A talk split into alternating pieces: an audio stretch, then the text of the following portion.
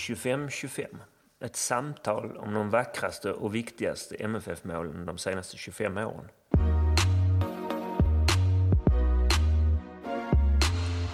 Vi som gör den här samtalsserien heter Tony Ernst och Henrik Zackrisson. all musik och alla jinglar är gjorda av Gabriel Ernst. Podden är klippt av Martin Ringstrand.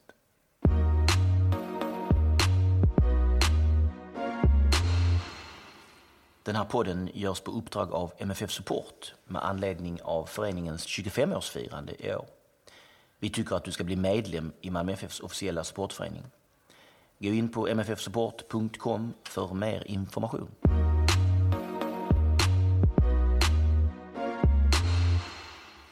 Mål 21. Jo Ingebergets 2-3 borta mot Celtic 2015.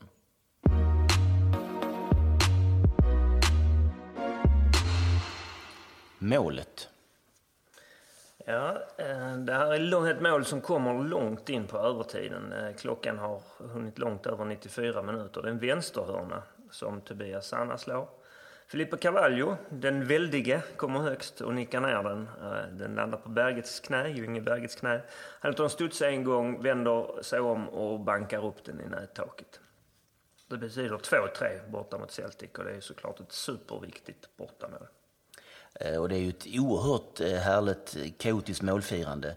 Eh, där vissa spelare springer och omfamnar berget och andra rusar ut mot oss i klacken och ingen vet riktigt var de ska ta vägen. Ehm, och så då Åge som dansar runt som en dåre.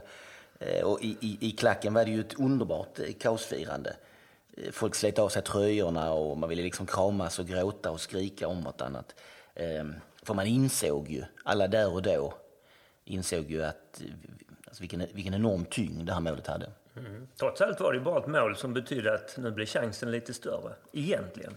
Ja, men ehm, Men det firades som avgjort. ja, det var verkligen ett super, kändes som ett supertungt mål.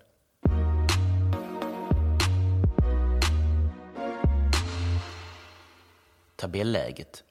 Ja, för även om det här är då ett Champions League-kval, eller Champions League-playoff till och med, så finns det ju alltid någon sorts, eller någon sorts, en tabell som ligger som en fond för allting som sker och händer. Det är såklart den allsvenska tabellen. Och så här dags 2015 så var det ganska jobbigt i allsvenskan. Vi hade gjort en del oengagerade insatser och mycket kryss. Man kan väl säga att vi fick betala för den spelaromsättning som hade skett där 2014-2015. Den här matchen mot Celtic spelades den 19 augusti och då hade 20 omgångar av allsvenskan avverkats. Och vi låg femma. Eh, en tredjedel kvar, så vi låg femma, men vi var bara fyra poäng efter Göteborg och Elfsborg som eh, fanns i topp. Och sen hade vi också AIK och Norrköping framför oss, de var två före oss. Det var väldigt tätt. Så en känsla var ju ändå så att, att vi kanske skulle få upp, liksom tuffa igång tåget igen och verkligen eh, bita oss fast eh, och utmana om guldet. Ehm, men som sen så småningom skulle bli var att innan returen mötte vi Häcken borta och förlorade. Eh, och det hängde väl i praktiken av oss kan man säga.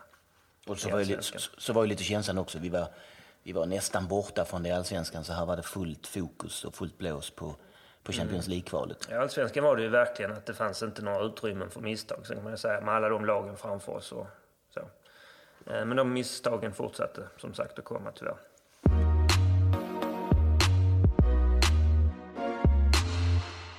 Matchen.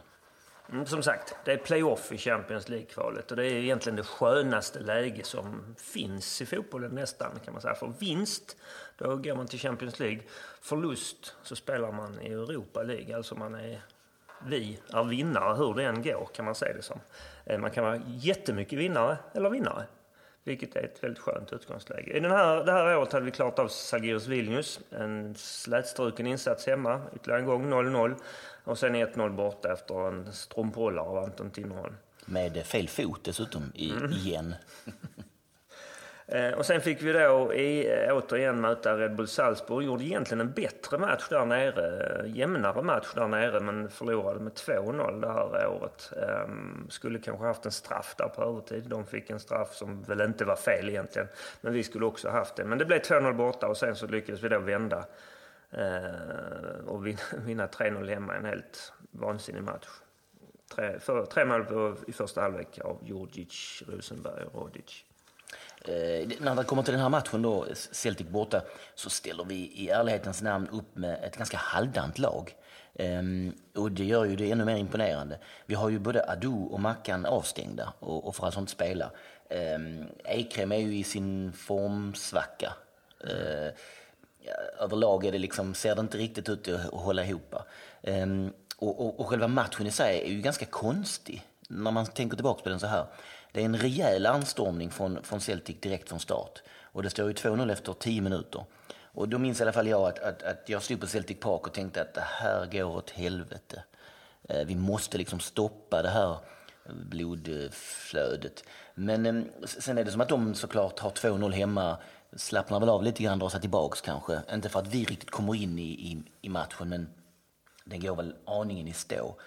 Um, och sen då Jo Ingebergs fina 1-5 mål efter den här långa passningen av Ekrem, väldigt överraskande. Och, och, då var det ju cirkus på läktaren och ett jävla tryck på oss i klacken. Eh, och sen kommer det där otroligt onödiga målet som han Lee Griffiths gör där. Känns inte ens som en målchans riktigt. En konstig lobbnicka. För... Tinnerholm och Wieland är inte riktigt med. Vi, vi, vi, vi, ser ut lite grann i hela den här matchen tycker jag faktiskt, som vi gör i allsvenskan också. Vi är inte riktigt i form. Och ändå är det, det gör det ju ännu mer imponerande som sagt att gå vidare. Ehm, och under matchen så har vi ju egentligen, vad jag kan minnas, och jag har sett de matchen på tv också, inga målchanser överhuvudtaget. Förutom de två målen, som inte heller knappt är målchanser får man ju säga. Och, och, och, själva målet där i 94 och 36, tror jag det exakta klockslaget är, det är inte heller en riktig målchans. Det är liksom en hör, jag kände bara, låt hörnan gå och låt tiden gå så att vi mm. åtminstone inte får en kontring på oss. Att vi skulle göra mål, där var det inte precis tal om. Och det är ju verkligen två, eh, ska inte säga bespottade, men rätt så perifera figurer som är, tar tag i det här. Tobias Sanna slår hörnan och Felipe Carvalho vinner nickduellen. Det är inte precis det är inte precis ryggraden i laget. Ehm, men sen, sen vinner vi ju 2-0 hemma och, då är vi klara för eh, Champions League-uppspel. Och den matchen får man ju säga att det var ju sannolikt ingen som helst diskussion. Vi är oändligt mycket bättre än Celtic i den eh, hemmamatchen. Hemmamatchen är ju från första sekund kändes det ju nästan, men vi vågade inte säga det såklart, men hade man varit en eh, lite mer eh, objektiv betraktare hade man ju efter bara några minuter kunnat säga att det var, fanns ett lag på plan. Mm. De var ju mm, obegripligt beskedliga. Mm. Ja, och då Celtic alltså vunnit ligan 48 gånger eh, och under 2017 så vann de ligan med 30 poängs marginal och med eh, raden 34-4-0. Det är något att eftersträva. De har ju tagit sex eh, raka segrar då alltså sen, sen Rangers vann 2011 och, och därefter åkte ur efter att de hade fått stryk av oss. Och de lär väl vinna några år framåt till innan Rangers är någonting att, att tala om kan jag tänka. Mm.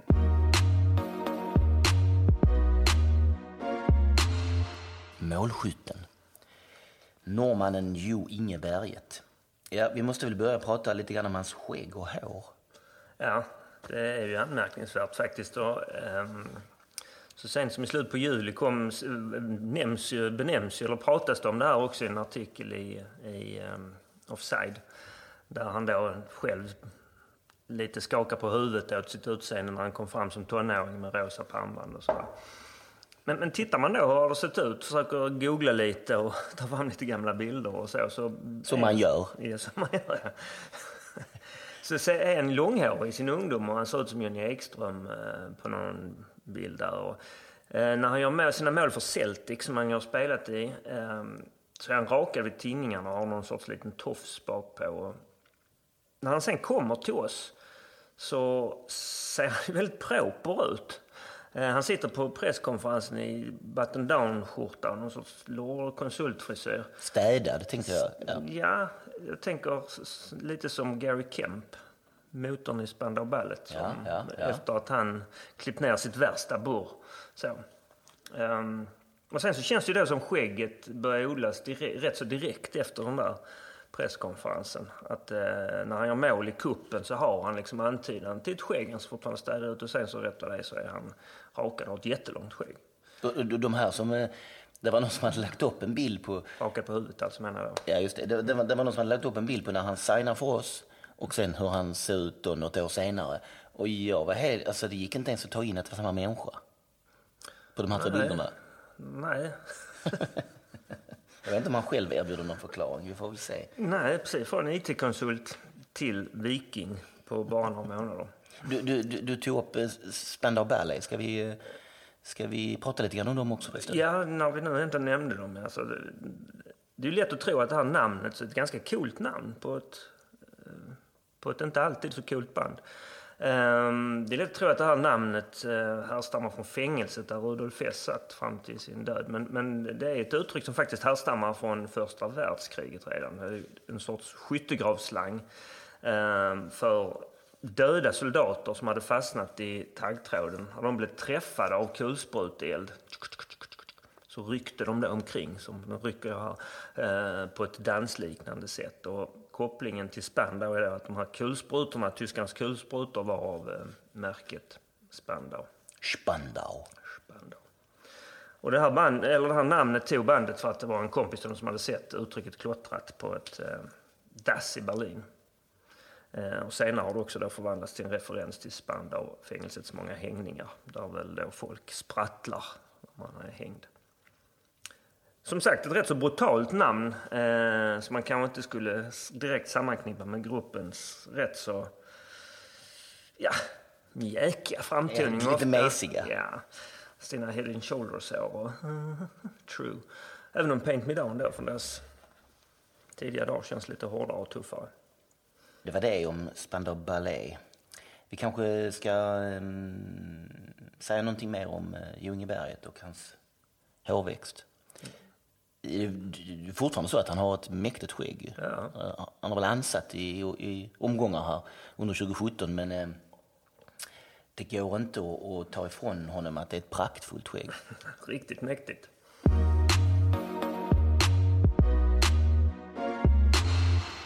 Skotska lag i Europaspelet. Ja, 2015 var ju faktiskt tredje gången på bara några år vi eh, åkte till, eller Malmö FF åkte till Skottland. Eh, fyra år tidigare, 2011, hade vi slått ut Rangers i Champions League-kval med 2-1 sammanlagt. Och 2013, Europa League-kval mot Tiburnians från Edinburgh eh, med 9-0 sammanlagt. och så nu då Celtic 4-3 sammanlagt. Är det då de enda tre gångerna vi mött skotska lag, frågar ni er? Och svaret på det är nej. För det som kallades Mässkuppen så mötte vi Hibernian september 1970 och förlorade med 6-0 borta och 3-2 hemma. Så det var ju en hejdundrande revansch att faktiskt slå dem med 7-0 borta. Jätteviktigt mål det vi gör i slutet. Så att vi, vi kommer ur den förned, 6-0-förnedringen och, Ja. visar dem. Liksom. Och vem är det som gör det sista? Det är Simon Kron. Jag, jag, vet bara att eh, eh, min kompis Stefan stod på läktaren och var mäktigt irriterad över att för han hade googlat fram att rekordet i europeiska cuper genom alla tider är åtta olika målgörare. Nej, eh, sju. Och det har vi ju den här matchen. Så han retar sig något fruktansvärt för på slutet så har Pavel en chans när han kommer in. Som han bränner. Och hade Pavel gjort mål där och vi hade vunnit med 8-0 så hade vi haft, haft alla tiders rekord i, i, i de europeiska cuperna. Eh, Jag hade lite svårt att riktigt reagera lika starkt som han. Eh, Men det var, det var skönt ändå. 6-0-förlusten är ju utraderad med den där 7-0-segern. Eh, Ja, och de, de här tre matcherna då, vi... ehm, lite minnen från de här då. Vi, vi, vi, jag, jag tänker mig vi börjar med Rangers borta. Till början med tyckte jag att det var så otroligt stort att få vara på plats på Ibrox. Det kändes ju eh, magnifikt faktiskt. Ehm, och sen var det roligt att flera av deras fans när de gick förbi sen efter matchen gick, liksom, vinkade till oss och kallade oss noisy buggers. Ehm, och så har jag, ett av de största minnena är faktiskt den här sången till det spanska domarteamet som sprang och värmde upp innan matchen och som sprang förbi oss fram och tillbaka. Och sen de som hade läst på att det är spanska domare. Så då sjöng vi Viva España till dem varje gång de började närma sig. Och de skrattade åt det och log hela tiden. Liksom. Ehm, eh, ja, så Daniel Mar- Larssons mål då såklart. Wilton som var helt enorm i den matchen. Eh, fruktansvärt bra så som han kunde vara då. Hibernians borta, vad har vi för minnen där? Ja, det är kongadansen på läktaren såklart efter, jag vet inte om 3, 4, 5, 0 någonting sånt ju. Så behöver väl folk intressera sig för andra saker om själva matchen. Alla mål. det kännas som det här skulle kunna gå. Jag minns att, eh, jag minns att jag får ett sms från dig när det står 4-0 i paus och vi har vunnit 2-0 hemma så att du säger, du skriver att jag tror inte de gör sju. Ja, och att man inte riktigt, riktigt kunde ta in att, att det blev 7-0 och att det var sju olika målskyttar och så vidare. Att man mest skakade på huvudet efterhand som målen trillade in. Och, och så var det ju mäktigt med den här sången eh, Sunshine on Leaf innan match faktiskt, det måste jag säga. Och sen efteråt så gick vi och käkade, dagen efter gick vi, vi käkade frukost på ställe och då köpte jag någon skotsk morgontidning och där, där uttalade sig Simon Tern väldigt taskigt. De hade som rubrik då, Tern, They played like kids. Mm. Jag minns också att jag gick in och läste på något Hibernian-forum. Det var någon som hade skrivit uh, When's the DVD out? Hibernian in Europe 2013. Ehm, okej, okay, och sen är det Celtic, det är den här matchen, eh, det är det här målet ju, som vi pratar om här. Där var det ju riktigt bra tryck på läktaren från oss måste jag säga. Att vi kunde göra en skillnad med drygt tusen man på deras arena där det nästan 52 000. Um, och så då den usla starten som vi pratade om. Uh, och, och, och, så tänker jag mycket på tågresan hem, för vi var några stycken som bodde i, i Edinburgh. Um, så det var, man gick utanför arenan en bit, hittade en taxi ner till, till eh, stationen och så sista tåget från Glasgow till eh, Edinburgh. Och det var ju smockfullt med bara Celtic-fans. Och alla som pratade med oss, och vi hade ju MFF-tröjor, det var ingen fara där. Alla som pratade med oss hade gett upp. Att det där 3-2 som, som vi, vi, vi dissekerar här av Ljungberg, att det var så avgörande var en, var inte en enda där som tänkte att men vi leder fortfarande. Mm. Och det räcker med oavgjort. Ja, mm. precis. Utan det var, det är över, ni har vunnit. Ja, precis. Det är över, ni har vunnit. Grattis. Det var i princip bara varenda Celtic-supporter sa. Jo, jag tänker på det här också. När man pratar om Celtic, och vi har ju mött både Celtic och Rangers. Man måste ju prata någonting om den här rivaliteten som råder. Den här galenskapen med sekterismen. Får man religiöst hat som är att jämföra med värsta shia-sunni-nivå. Och, och, och, här, är två, här är två stories. Då. Första gången i Glasgow, när vi var på Ibrox och slog ut Rangers, så eh, gick vi därifrån och så gick vi ner i tunnelbanan och då var det en äldre man som visade sin halsduk för oss. Och då var det eh, alltså en fotbollshalsduk där det väl ska stå Heja Celtic typ egentligen. Där, och det, på den, hans halsduk så hade han en bild på en man på en häst med ett svärd som halshög en annan person som stod på marken då. Eh, och så stod det Rangers och William of Orange under det då. Eh, det kändes ju lagom smakfullt och hade mycket med fotboll att göra. Sen dagen efter den här matchen 2011 så, så eh, insåg vi att eh, Celtic mötte Wolves i en träningsmatch eh, på Celtic Park. Så då stack vi ut där några stycken och såg den matchen. Och då kom det fram en snubbe med en halsduk som eh, tackade oss för att vi hade slagit ut Rangers, eller vi hade inte slagit ut dem ännu, men för att vi hade besegrat dem. Och ville ta bild med oss. Och så höll han upp sin halsduk. Och då var det, eh, stod det Celtic på ena sidan och på andra stod det Bobby Sands is a hero. Eh, och Bobby Sands är ju, mm, kan man säga mycket om, eh, men eh, det kändes inte riktigt lämpligt att, att ha detta på bild med oss eller att det ens ska ha med fotboll att göra. Riktigt snurrigt. Jag tänkte vi ska avsluta med två korta historier om, om Celtic från resor dit i andra sammanhang. Vi börjar med dig, Henrik. Ja, vi åkte till Glasgow i början av 2014 för att titta på en, en, skånsk, eller, en skotsk popgrupp som spelar musik. Delamitri. Eh, Johan Mjällby var på samma plan, planet dit. Det är inte historien, men det, han var andra tränare Celtic då, så han åkte eh, på samma, samma plan som oss. Men vi gick i alla fall in i en eh, en Celtic-butik, en officiell Celtic-butik där i centrum eh, för att köpa en träningströja som vi hittade på rea till vår son. Och de hade Henrik Larsson DVD på rea och, och på något vis så fattade de här, eller uppfattade folket som stod där i kassan att vi var svenskar och frågade om vi inte då skulle ha en, en rea-DVD. Och jag började liksom sådär formulera något artigt svar att han är liksom lite, det är inte riktigt vårt lag hemma vid och så. När min fru då avbröt och hon är inte riktigt lika konflikträdd eh, som jag. Eh, to say the least. Eh, hon, hon, sa ungefär att No, uh, in Sweden he's with Helsingborg. We don't like him. Eh, uh, Helsingborgs shit. Och de studsade till lite och log artigt men lite svalt. Vi betalar för tröja och gick. Här, här kommer det min historia, den är något mer diplomatisk. En, eh, ehm, den utspelar sig vid en supporterkonferens i Belfast för några år sedan. Då vi hade en dag ledigt och så åkte vi eh, en sån här black cab tour runt stan. Det var jag och det var eh, Djurgårds-Lena och IFK Göteborgs Sofia. Um, de här Black Cab-tourerna är jäkligt intressanta. Man åker alltså in i en gammal svart taxi, kör runt en på alla märkvärdiga ställen i den här delade staden. Och vi hade en väldigt trevlig eh, förare som var guide och, eh, en eh, man i 50-årsåldern.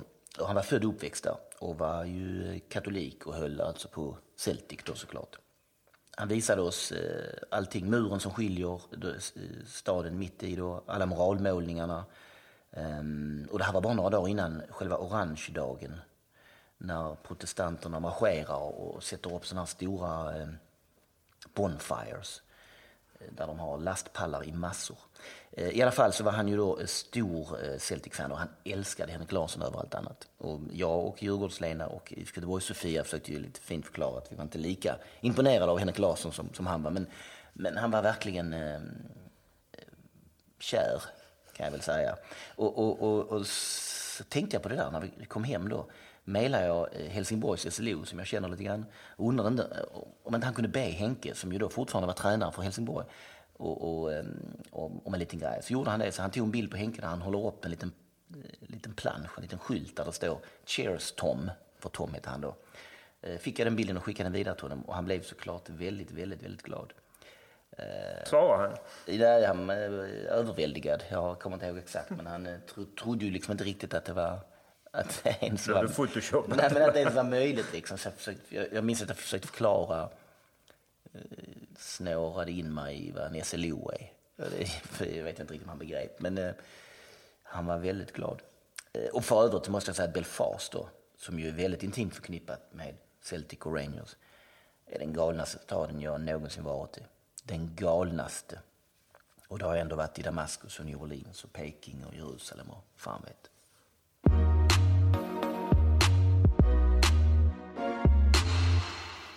sämsta spelaren i klubben. Konstig titel egentligen, men Jo Inge Berget kallades inför den här matchen av Celtic-fans och skotsk media för den sämsta spelaren i klubbens historia. Väldigt underligt, med tanke på att han bara spelade fyra matcher och ändå lyckades göra två mål på dem.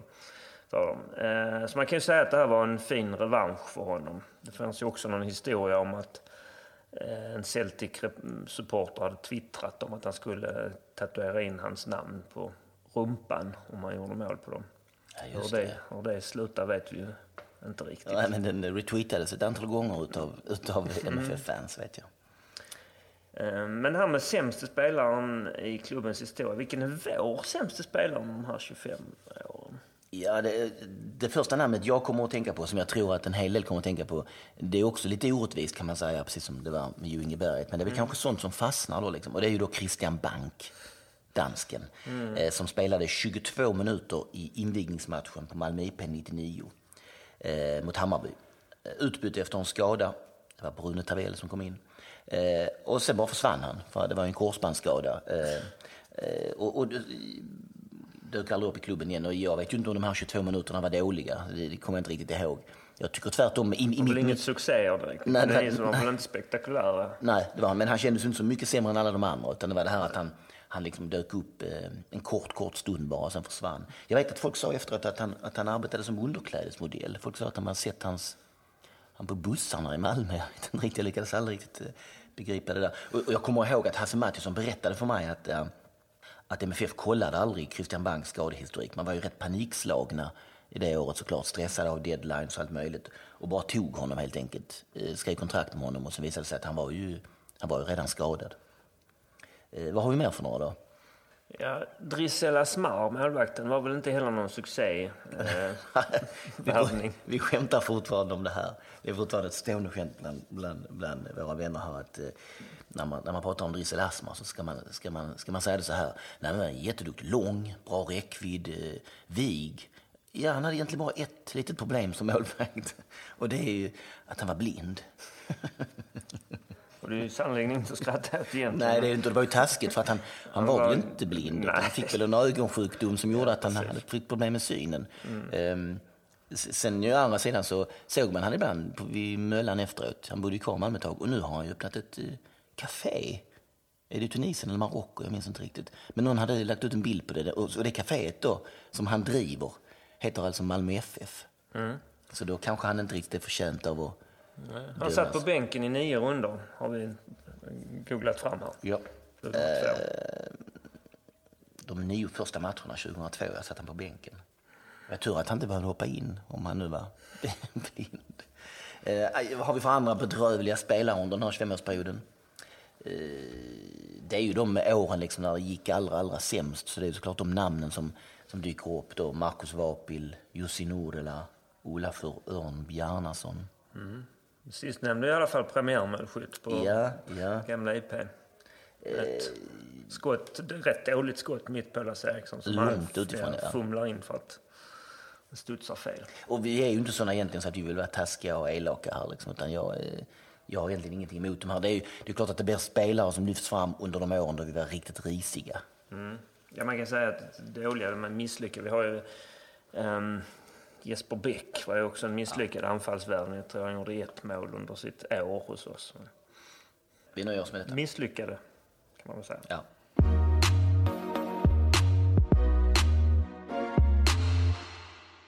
På plats.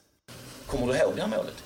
Ja, det minns jag. Det, det är klart det var lite alltså speciellt för mig, själva matchen också. Det var ju sex månader efter jag hade lämnat, eh, lämnat Celtic också, så det, det var ju en kul måte att, att komma tillbaka dit på. Och du, du, det var ju ganska mycket snack innan om det. Så hade de eh, pratat om att du var, du var dålig där och, och många fans som tyckte att eh, spelar han för Malmö då kommer vi gå vidare. Ja. Eh, Så det blev en revansch för det också. Ja, det blev ju det och det, det är klart eh, ting gick inte helt som jag hade hoppats i Celtic och inte helt som de hade hoppat heller säkert. Så, så klart det var lite skönt för mig att, att komma tillbaka och, Men, och göra det på den måten. vad tänkte du när lottningen kom? Blev du glad eller var det... Alltså det... Jag visste ju att det kom att bli en svår match. Eh, Det var ju inte det enklaste laget vi kunde få, men samtidigt så visste jag ju också, i och med att jag hade varit här, att eh, det här var ett lag vi, vi hade en chans till att ta. Eh, Det är klart de har, de har nog ett större namn än, än de kanske har haft eh, eh, på nivå de senaste åren. De är väl lite upp igen nu, men, eh, men det är klart det, det höres tungt ut med Celtic, men de, eh, det är absolut möjligt att slå dem. Kommer du ihåg det. själva målet? Det är alltså 2-3 målet i 95 minuten. Ja, det var ju det sista som hände och det, det var en hörna som... eh, vet jag inte helt vem som slog den hörnan, men den, eh, Det minns du inte? det var Magnus kanske? Nej. Tänker jag. Nej? Nej, då vet jag inte vem som slog hörnan. Sanna. Tobias Sana. Som slog hörnan? Ja. okej. Eh, och så blev det ju en... eh, lite som klabb och bob. Eh, och så falt... eh, Det är en person som vinner den nickduellen som liksom trycker ner bollen till dig. Okej. Jag vet inte helt vem det var heller, men... Uh, Filipe. Carvalho kanske? Ja, Mm. precis.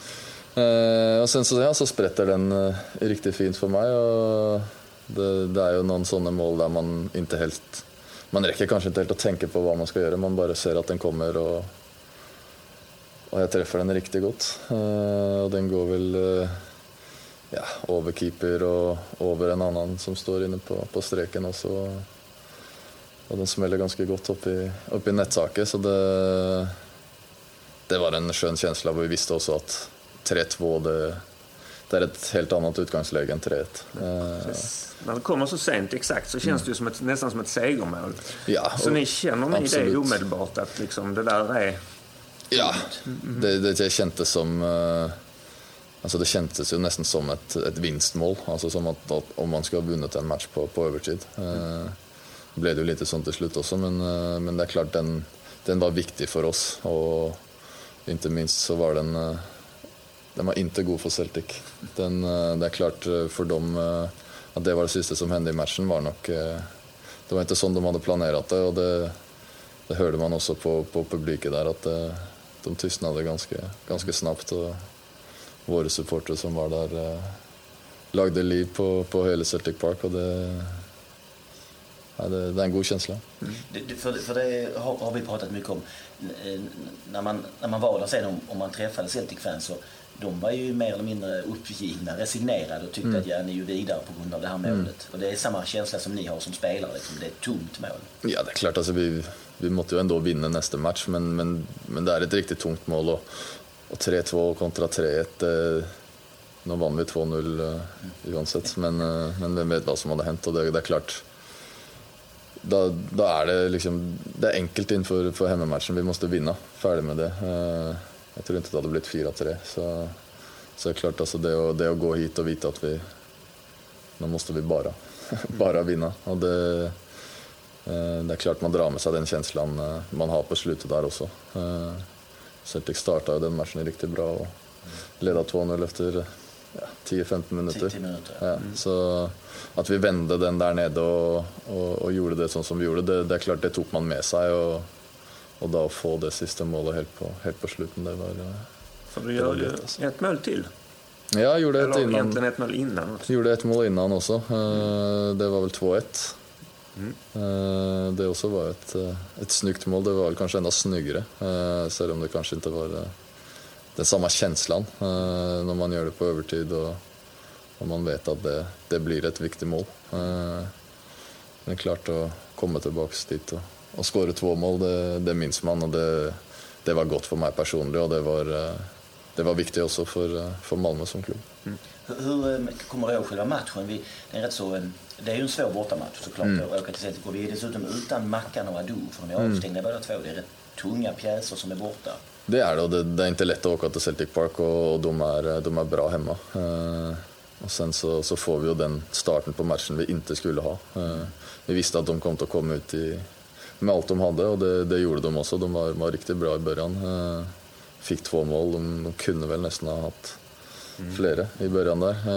men att vi då klarar att vända det och att det då kunde bli 3-2 till slut, det, det är starkt oss. Det, det var en, var en bra riktigt bra bortamatch om man ser bort ifrån de första, första tio. För hur såg planen ut för matchen? För, som du säger, jag misstänker att de här två målen efter tio minuter inte ingick i planen. Liksom. Men mm. hur såg planen ut? Nej, vi, vi visste ju att det var... Eh, alltså, I alla sådana matcher så är det, det är två matcher. Uh, Så det handlar mycket om att få med sig ett, eh, ett gott resultat borta. Uh, det är viktigt att göra mål. Det har vi erfarit från från senare också, andra, andra hållet. Men uh, det är klart det är viktigt att göra mål på bortaplan och det är viktigt att, att, att hålla det så tätt som möjligt. Da. Spesielt når vi vet også hvor, hvor, bra vi er her hjemme, og den, den selvfortroende vi hadde på hjemmaplan, så var det viktig å få med seg et, et godt resultat. Og, og 3-2 viste seg å være akkurat det vi behövde. Mm. Hur, hur, om, om man ska om man ska backa lite grann så du, du, du kommer lite oväntat till Malmö FF eh, tidigt våren eller vintern 2015. Mm. Eh, och ingen visste riktigt vem du var och, och det, ingen av journalisterna hade heller lyckats luska ut vem, vem det var som skulle mm. dyka upp på den där presskonferensen. Eh, vi, har, vi har pratat mycket om det här om, om, om din förvandling. Mm. För när du sitter där på podiet och man jämför den bilden då med hur mm. du ser ut nu. Mm. Den här städade, välkammade unga killen med mm. det här skägg det, det, känns som att du, du har genomgått en förvandling i den här klubben också. Ja, ting hände och jag ju gamlare också så jag mister ju lite hår på toppen så då får jag, får jag låta gro där det, där det gror.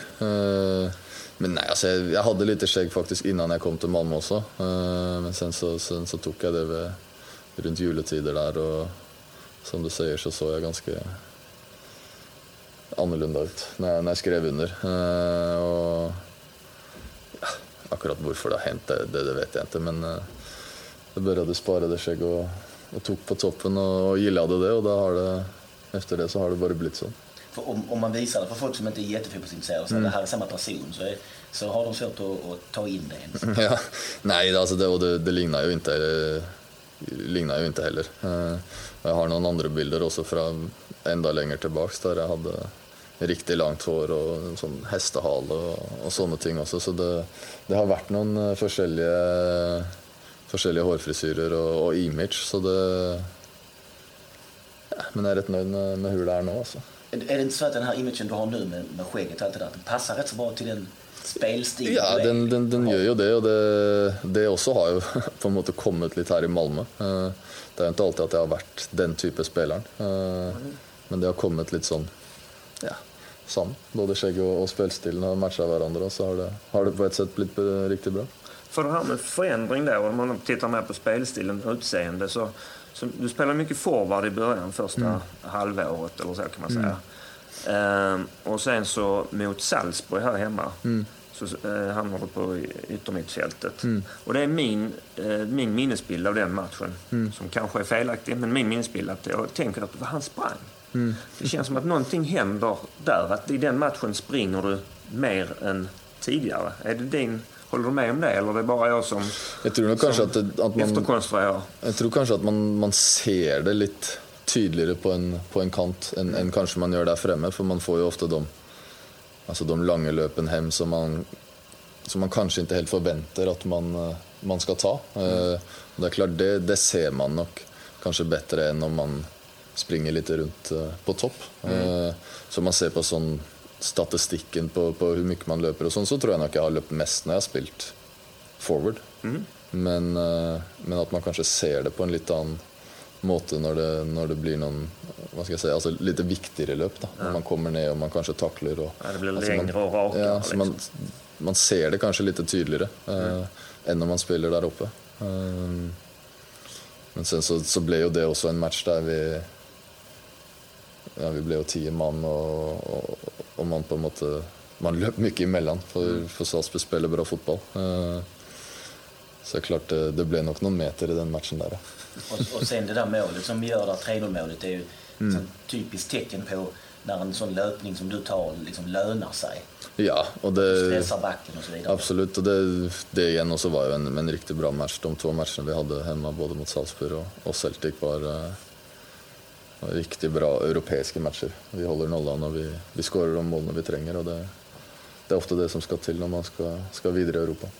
När det gäller minnesbilder så, så min starkaste minnesbild när det gäller löpningar och, och, och din insats är ju Norrköping borta eh, 2016. Den där mm. viktiga, tunga matchen vinner 2-1 och där spelar du anfallare. Mm. Eh, där känns det som att du i princip ensam sysselsätter backlinje och målvakt. Mm. Så att... Ja, det är ju det är kanske nog med de där eh, de där matcherna som, eh, som, som brinner lite extra. Eh, det är klart alla matcher betyder mycket men, eh, men man känner ju lite på det på, på några extra matcher att idag står det kanske lite extra på spel. Mm. Om man inte ska ta sig helt ut i de matcherna så, så, så vet jag inte helt när man ska göra det. Nej, nej. Om, om, om, vi är tillbaka speciellt i Park där. Mm. Du, du beskrev målet innan som när du får bollen där som att och, och när man det inser man ju inte när man står på plats. Jag var där och såg. Mm. Då, då hade man ju hade man inte tänka så mycket. Men när man ser det i efterhand. Det ser väldigt mycket ut som att du vet, du vet precis vad du ska göra. Ja, och det är lite sånn så det sker ju snabbt så det är lite instinkt där också. Men, eh, men med så många, alltså så många människor i en box och det är säkert mellan ball och jag vet inte hur långt jag skjuter från, 4-5 meter kanske. Eh, men likevel så är det kanske 10 man mellan ball och, och mål. Så så man vet att den, eh, den måste jag kanske lyfta. Eh, och sen så, så träffade jag den också riktigt gott så den eh, tror jag inte han hade stoppat även om han har fått en hånd på den. Så. Och det känner du direkt att du träffar Det känner jag direkt att den, den sitter runt foten och den, den går inte utanför eller över, den går, går i mål. Jag undrar också, ni, ni hade koll på tiden? Ni visste hur mycket det var? Vi visste att det var väl det, det sista som kom att hända. Så, så det var nå eller aldrig. Det... Klockan står på 94 och någonting och mm. har till 95. Ja. Och det är ett långt eh, intermezzo precis innan för att eh, Jotun och någon annan håller på att bråka va, eller vad det är och det delas ut mm. varningar och mm. det, det, drar och Det drar. dras ut och det är lite som stille för, för stormen där. Mm. Så det, nej, det är klart det, det är ett mål jag säkert aldrig kommer att glömma och det, det är klart det var viktigt för, eh, för Malmö också. Det, som sagt så, så vann vi ju 2-0 hemma men man, eh, man satte sig själv i en lite bättre sits. Alltså. Mm. Och det var intressant det här du säger också att eftersom det är det sista som sker i matchen så är det den bilden man tar med sig. Liksom. Mm. Även om tittar man på matchen överlag så skulle man ju säga att Celtic är bättre än oss mm. där och förtjänar kanske mer. Mm. Men det ni och antagligen Celtic-spelarna tar med mm. sig är den sista lilla Ja, absolut. Och de, de vet också då att om de kommer hit och, och förlorar så, så är de färdiga. Om, eh, om de hade haft två mål att gå på så känns det lite som... Alltså den, den är safer än, äh, än att måste komma hit och man ska säga, ta ett poäng. Då. Det, det, det gör något med, med inställningen dem, så det är klart... som du säger, alltså det sista som händer i matchen är att vi skårar, vi får en jätteboost och efter matchen så är det det enda det handlar om. Och, och det är riktigt bra resultat och alla de grejerna här. Eh, hade det stått 3-1 så, så hade det snacket varit åt, åt andra hållet. Sen, jag upplever som de är oväntat bleka när de är här, eller vi är oväntat, eller vi är oväntat bra. Ja, alltså vi, vi var riktigt bra, eh, både Salzburg innan och, och Celtic här. Eh, och vi, vi spilte med en, med en selvtillit på, på stadion här som, eh, som var riktigt hög och riktigt bra. Och, och om de var bleka eller om det var vi som gjorde dem, eh, de bleka, det kan man diskutera. Men, eh, men det är klart, vi, om de kanske var det bästa laget där nere så var det ingen tvivel om, eh, om vem som var det bästa laget här. Det är ju snart 2-0 i underkant. Ja, faktiskt. absolut. Och det, det kände man lite sån undervägs i matchen också att eh, den här har vi. Det, de kommer inte att vända det här. Hur, det, det här är ju då alltså en, en 25-målspodd. Vi har alltså noggrant valt ut de 25 viktigaste, tyngsta, bästa målen under de här 25 åren. Ehm, och så har vi försökt sprida det lite grann så att det är olika målskyttar med då. Det är Men, olika eh, tider och så. Precis, ja. Det är ju från 92 till 2017 och där är allsvenskan och Europaspel. Eh, och det är väldigt sällsynt att där är spelare med med två mål.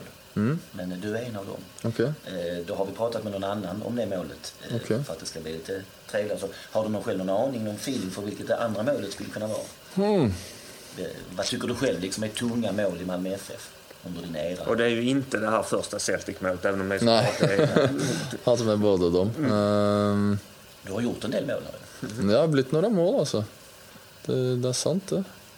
Men... mm, jag tänker lite. Det, det, är ju 90, det är 25 år som vi har pratat om och de första åren är ju rätt tomma på, eh, på framgångar och SM-guld och så vidare. Så därför blir det lite en slagsida åt de, de lite modernare de åren. Liksom. senare åren, ja. Absolut. Nej, nu, nu tog det mig lite... eh, nej, jag, jag vet inte alltså. Man skulle kunna säga att det faktiskt är ett mer eller mindre ett guldmål. Okej.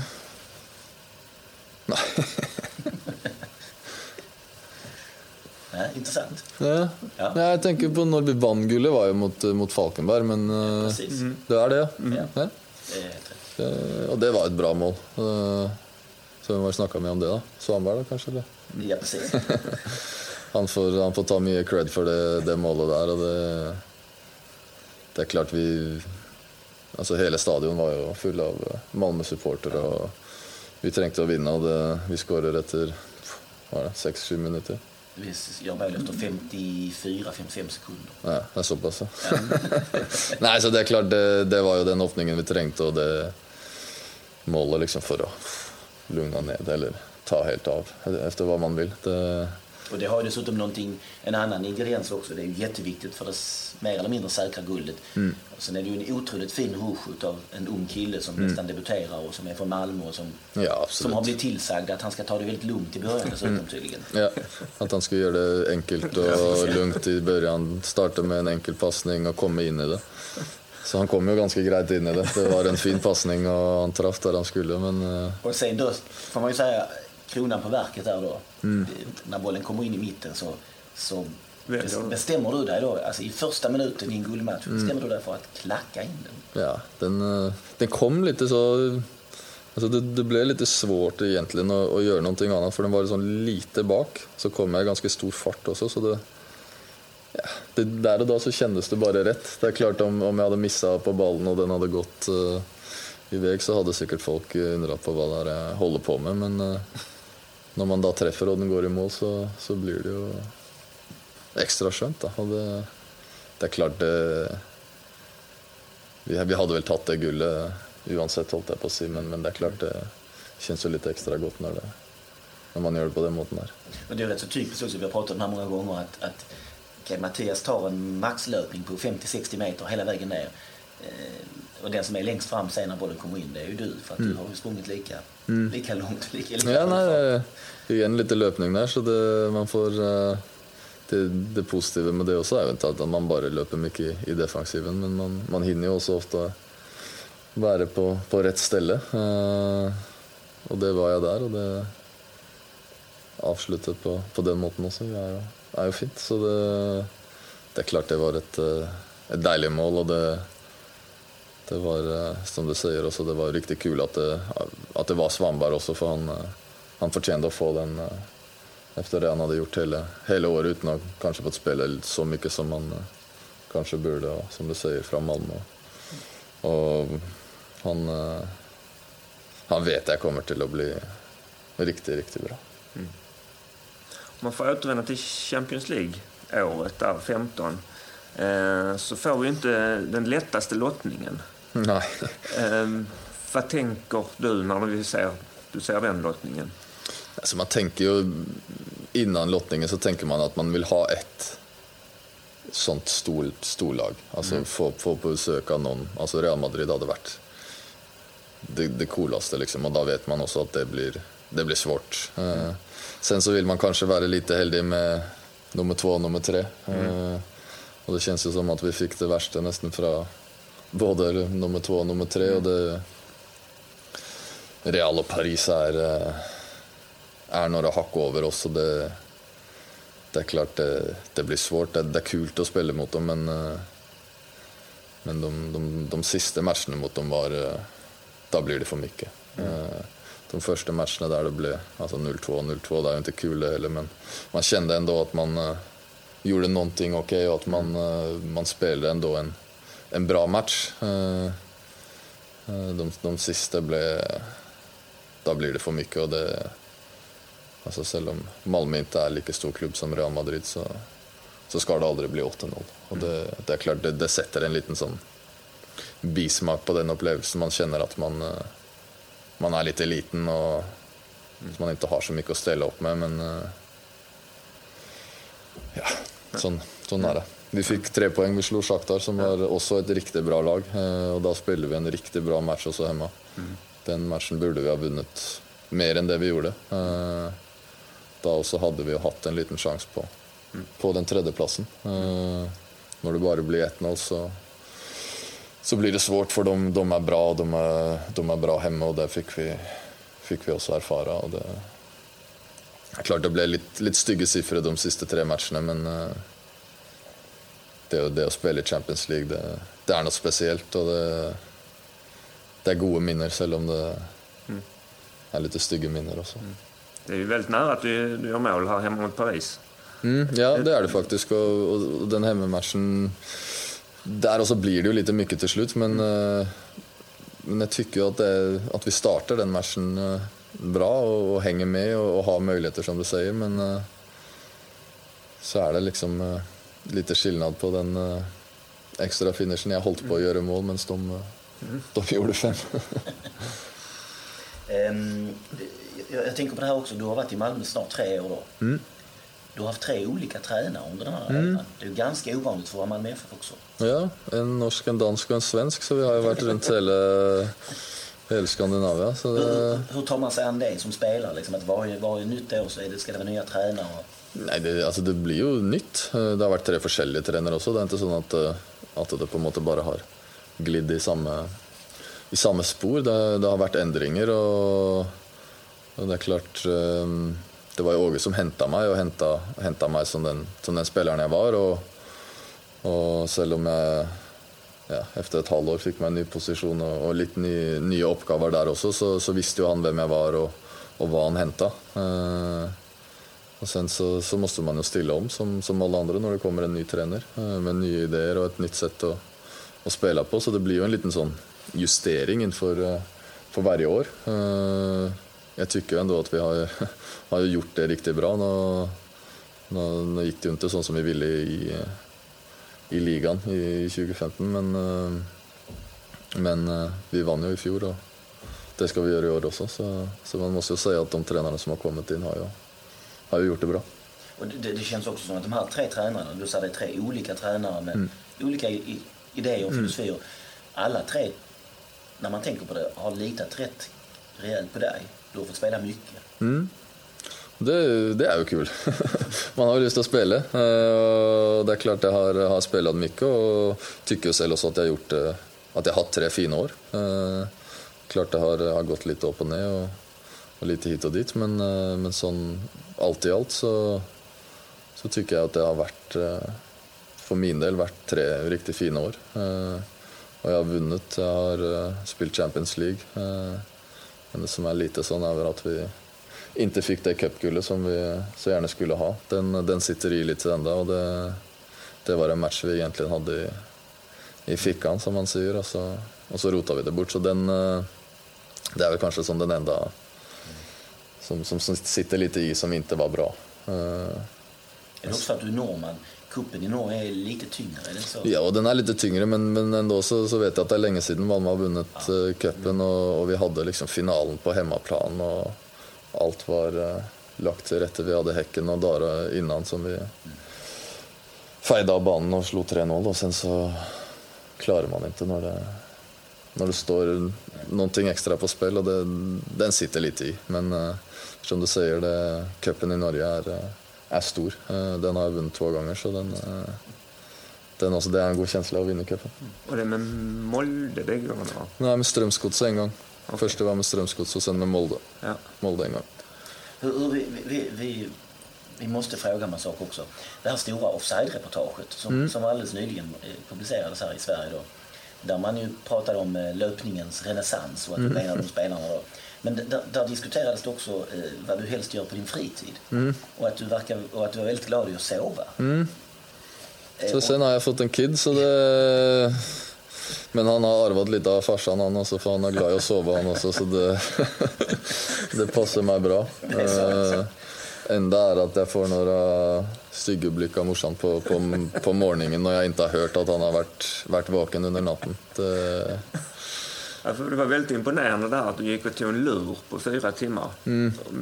Ja, det, det, är inte så att jag gör det varje dag, men, men det, det, kan hända. Och då speciellt kanske om jag är, eh, om jag är ensam, om uh, frugan inte är hemma. Så ja, har jag inte så mycket annat jag borde ha gjort, så då, då känns det som en god idé. Och och lägga sig ner lite. Men, men alltså, vi, vi, vi, har pratat om det här. Du tycker alltså att om man sover fyra timmar mitt på dagen så mm. det är en lur?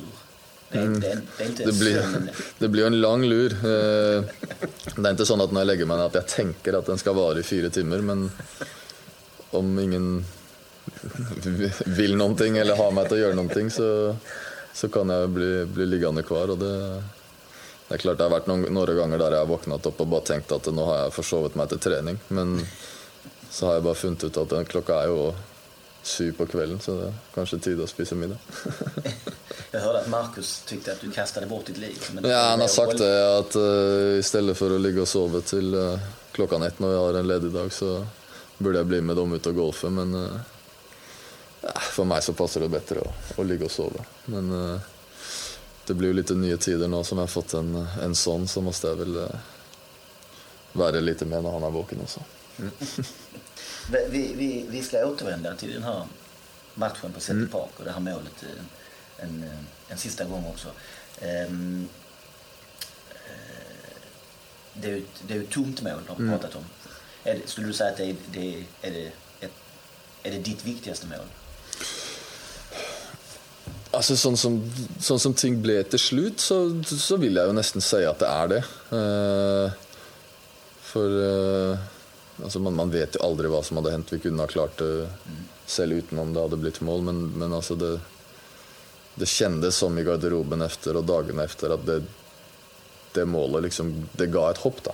Eh, både bland spelarna, bland, bland publiken och kanske mer än ett hopp. Alltså det kändes som att alltså det var det vi trängde för att, för att ta oss vidare. Eh, så, så på den måten så är det klart det är ett riktigt, riktigt viktigt mål. Eh, Eh, Sen så var det en, eh, det var en bra period för mig. Det var väl en eh, par veckor senare så skårade jag två mot Kroatien också. Just det. Uh, När du lurar eh, Särna. Där du Serna två gånger om. Mm. Det är klart, de, det också var viktigt för det landslaget var ju vi behövde den vinsten för att, för att hänga med. Om Kroatien hade vunnit så hade vi varit, varit kört. Och då, då var vi faktiskt nära på att vinna hela gruppen. Vi, leda 1-0 mot Italien i matchen efter och sen så vände de till 2-1 så blev vi trea istället för etta. Men, eh, men det är klart, det var ett sånt mål som, som gav hopp, samma som, som Celtic. Men, eh, men så när man ser på vad som blev ut av det så, så är det klart det, det blev viktigare det, det Celtic-mål och lite sån personliga grunder att komma tillbaka till gamla klubben och, och göra det på det sättet där. Det, det ger lite extra så, så det, det, är väl egentligen ingen mål som, som har smakt så bra som, som det där. När du säger garderoben, då menar du omklädningsrummet? Ja. Jag, var inte med på norskan. Garderob är betydligt mindre i Sverige. Ja. Okay, nej, omklädningsrum och killarna inne där. Så det kändes liksom efter matchen att uh, vi nästan hade vunnit den matchen. Det var det jag skulle säga, det var samma känsla. Mm. Så var ju känslan på läktaren. Vi mm. sjöng ju och, ja. och kände ja, ja. som en seger. Och det, det är klart, det, det, är en helt annan känsla att ta med sig in i, in i nästa match än uff, det här blir svårt. Det, det hade varit en annan känsla.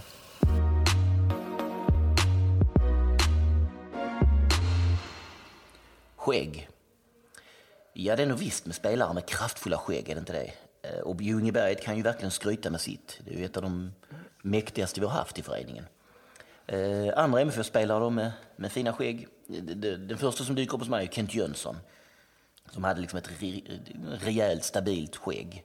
Mm. Känns som han ser likadan ut ja, alla år. Ja, och det, liksom inget, inget, hips, inget hipster över det alls. De har ett rejält skägg. Mm. Eh, kanske Kompromisslöst. Den, ja, verkligen. Kanske den skulle jag säga MFF-historien med allra starkast skägg-game, mm. som kidsen säger. Eh, vad har vi fler för några? Ja, i, i, i, dagens lag så är det ju Lasse Nilsen. Han har väl en sorts uh, skepparkrans? Är det det? Jag vet inte riktigt. Och vegamössa? ja, inte riktigt. Eh, Erdal Rakip har ett fint skägg för sin ålder. Uh -huh. Välansatt. Eh, även om det känns som att det kommer och går lite grann. Ibland är han rakad, ibland så är det lite kraftigare. Um, Filip Lander minns jag hade ju ett eh, tre, riktigt trevligt helskägg. Lander talar om. Ska vi backa bandet lite grann Thomas Sjöberg såklart. Mm. En av våra mest klassiska skäggspelare. Mm. Och så Jimmy Durmas som hade ett fint ansatt skägg på slutet. Även om det kanske eh, kom mer senare när han hade lämnat oss. Men ehm, men han, dock, han, och, och, och hans skägg var lite mer åt hipsterhållet. Det var inte Kent Jönsson, Thomas Sjöberg-skägget. Ja, det är snyggt med skägg. Det är ju... Ja, fast vi har pratat klart om skägg nu. Ja, vi, vi har kanske gjort det. Vi lämnar skägget.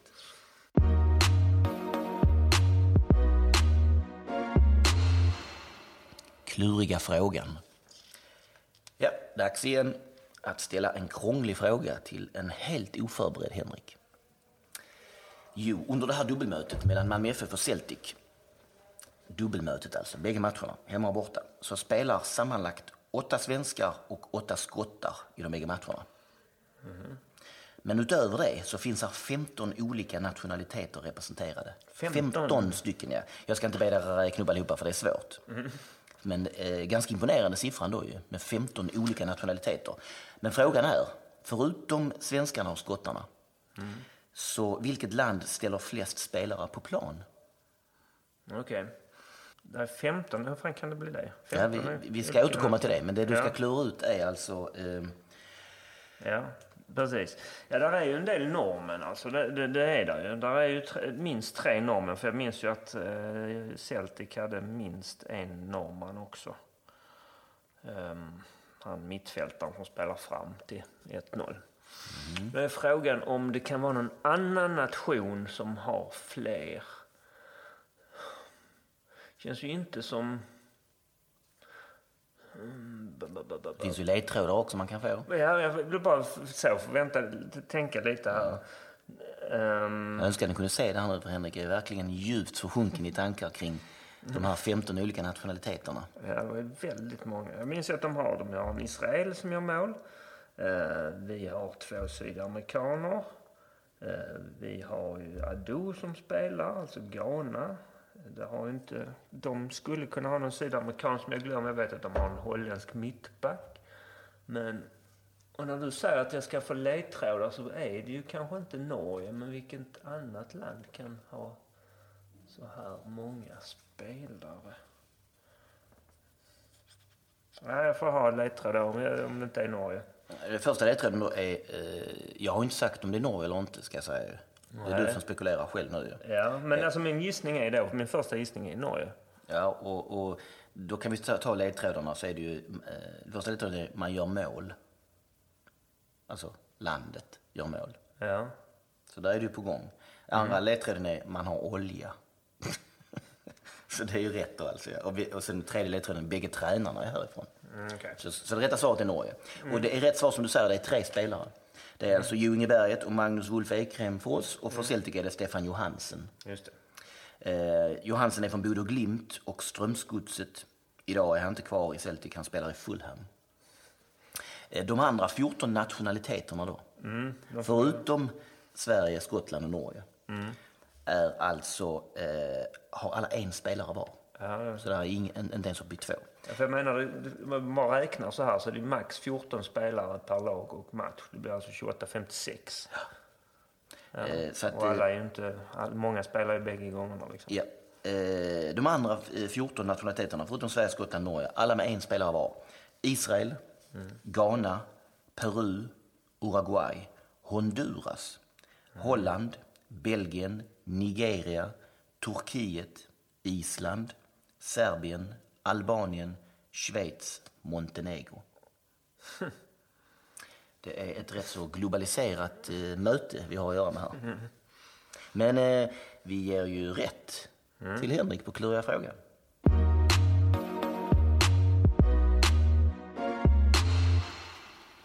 Bortamatcher i Europa.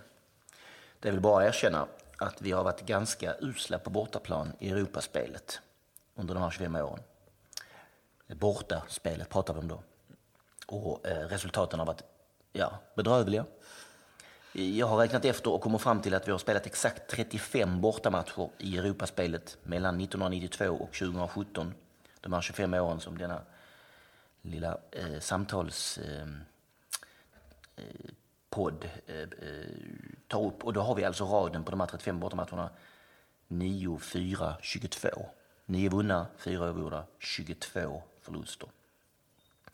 Ehm, 22 förluster på bortaplan på 35 matcher alltså. Eh, och det är många tunga förluster. Eh, tyngst, Ton borta. Där bilade du och jag ner. Hela vägen. Fick med 3-0. Sen var det bara att bila hem igen. 4-1 borta mot Dinamo Zagreb på Maximir. 8-0 på Santiago Bernabéu, sved ju. Lite för mycket. Ja, 1-0 borta mot Nottingham där hösten 95. Mm. Tungt eftersom vi var så överlägsna på hemmaplan. Eh, 3-1-förlusten på åkern i Strumica på makedonska landsbygden alldeles i år. Tungt. 2-0 borta mot Sporting Lissabon. Där Idje har ett jätteläge efter bara någon minut. Ja, inte något katastrofresultat det heller egentligen. Men Nottingham med 1-0 borta. Nottingham var ju trots allt i Premier League då. Så ja. det känns ju inte som ett... Eh, men, eh, men eh, det har varit en ökenvandring. Mm. Men man kan nästan räkna med när man åker bortamatch att vi kommer få stryk. Och, och, och, det måste vi bli bättre på. För vi, att vi har tagit oss till Europa League och Champions League de, de här åren det är ju för att vi är så otroligt bra hemma. Vi har liksom fått rädda de här usla borta resultaten genom formidabelt hemmaspel. Och för sakens skull ska vi också ta upp de nio vinsterna. Henrik, take it away. Mm, vi har 1-0 borta mot Rangers, som vi pratat om. Vi har 1-0 vinsterna mot baltiskt motstånd i Champions League-kvalen, alltså Ventspils och Salgiris. Vi vann 2-0 mot Dundalk, 3-0 mot Skonto Riga, 2-0 mot armenska Shirak Gyumri 2-0 mot Portadown eh, och så 7-0 mot Hibernian som vi också... Och så då, får man säga, avslutningsvis, kanske den allra största segern i, i den här mm. lilla skaran. Det är 1-0 borta mot Besiktas efter att Afonso nickat in en hörna. Just det, det var efter Ton. Debaclet, ja. Debaclet, så man fick en extra chans i Uefa-cupen. Den eh, såg riktigt bra ut efter bortamatchen, men sen fick vi stryk 4-1 hem. Ja.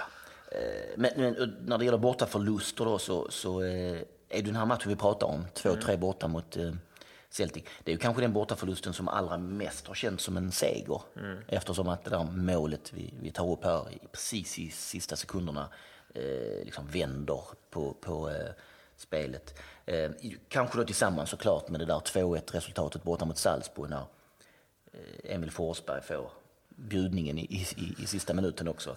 Eh, för det är ju så, i Europa räknar man ju det såklart efter eh, resultatet efter två matcher. Mm. då kan ju ett eh, 1-2 som i Salzburg eller 2-3 här som i Celtic vara väldigt avgörande.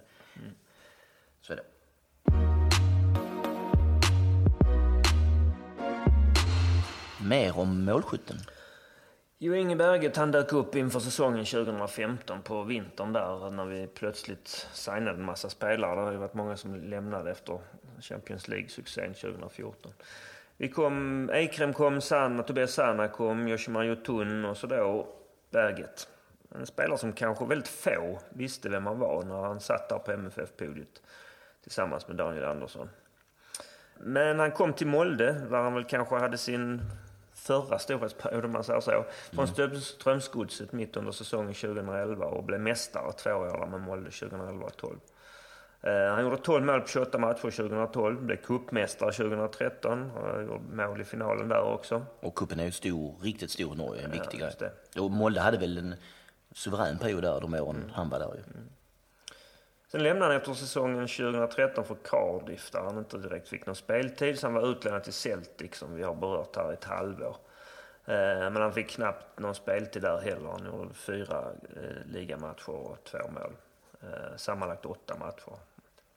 Väldigt lite speltid under 2014 kan man ju då sammanfatta innan han kom till oss. Efter utlåning till Celtic var han en vända tillbaka i Cardiff eh, och fick avslutat sitt kontrakt där och skrev på för Malmö den 19 januari 2015. Man får ju säga att han har varit en väldigt viktig spelare för oss under de här eh, eh åren han har varit här. Eh, ja, det är ju tre år nästan snart. Tre säsonger kan man säga att han har varit här då. Eh, framförallt det hårda slitet. Mm. Löpningen som ja, sagt. Många och, och en hel del viktiga mål. Um, ja, vi kan väl säga att vi får säkert anledning att återkomma till Jo Ingeberg längre fram i den här serien. Mm.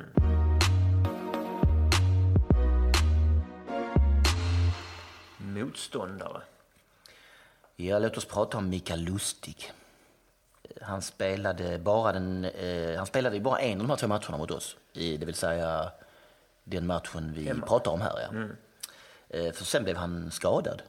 Var det inte så? Jo. Och var inte med i hemmamatchen. Men i, i, i, I vår, i vår hemmamatch, ja. Mm. Men i vilket fall som helst så var han ju väldigt kaxig i tidningarna och runt om inför den här matchen. Att typ lilla Malmö får se upp med stora Celtic. Och det kändes ju fint att få knäppa Mikael Lustig på näsan. Eh, Mikael är 30 år, kommer från Umeå, men hade ju, slog ju igenom får man säga i GUF Sundsvall. Eh, 2005, när han gjorde allsvensk debut då, ett par säsonger innan han blev såld till Rosenborg i Norge 2008.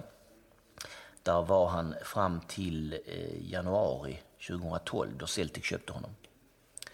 Eh, han har vunnit skotska ligan fem gånger och innan dess norska ligan två gånger, så är ganska meriterad. Eh, debuterade i landslaget 2008 och står idag, just nu när vi spelar in detta, antecknad för 56 landskamper. Det är ju en ganska... Mm, ansenlig siffra. Ja. En habil back, vad jag kan tänka mig om honom. Eh, mest känd, allra störst känd är han väl för det där att han inte riktigt höll stolpen i förlustmatchen mot, eh, eh mot Ukraina i EM 2012. Då var det en massa skriverier om det där. Mm. Eh, Kanske orättvist mycket om man ska vara ärlig. Ja, så är det Han har väl en, en ganska okej okay karriär mm. utomlands. Ordinarie i ett hyfsat lag menar jag. Mm. Men är han inte lite tråkig? Jag känner att det finns inte riktigt något att säga om honom. Jag har liksom ingen, eh, jag har ingen dirt på Mikael Lustig. Eh, han verkar lite menlös. Har, inte, har, jag vet inte. Har du har ingen eh, avvikande åsikt om detta? Mm, nej, jag har väldigt få åsikter om Mikael Lustig. jag, jag spenderade några minuter att googla men, eh, och tryckte till och med fram sådär en sju, sidor men det, det, hände liksom inget. Nej, det är kanske därför den där stolpmissen har blivit så uppmärksammad. Ja, för det är det enda liksom... Man kunde trycka till Lustig på. Ja. Äntligen gjorde den felfri ett misstag. Uh, ja, så vi lämnar Mikael Lustig uh, åt hans öde. Yeah.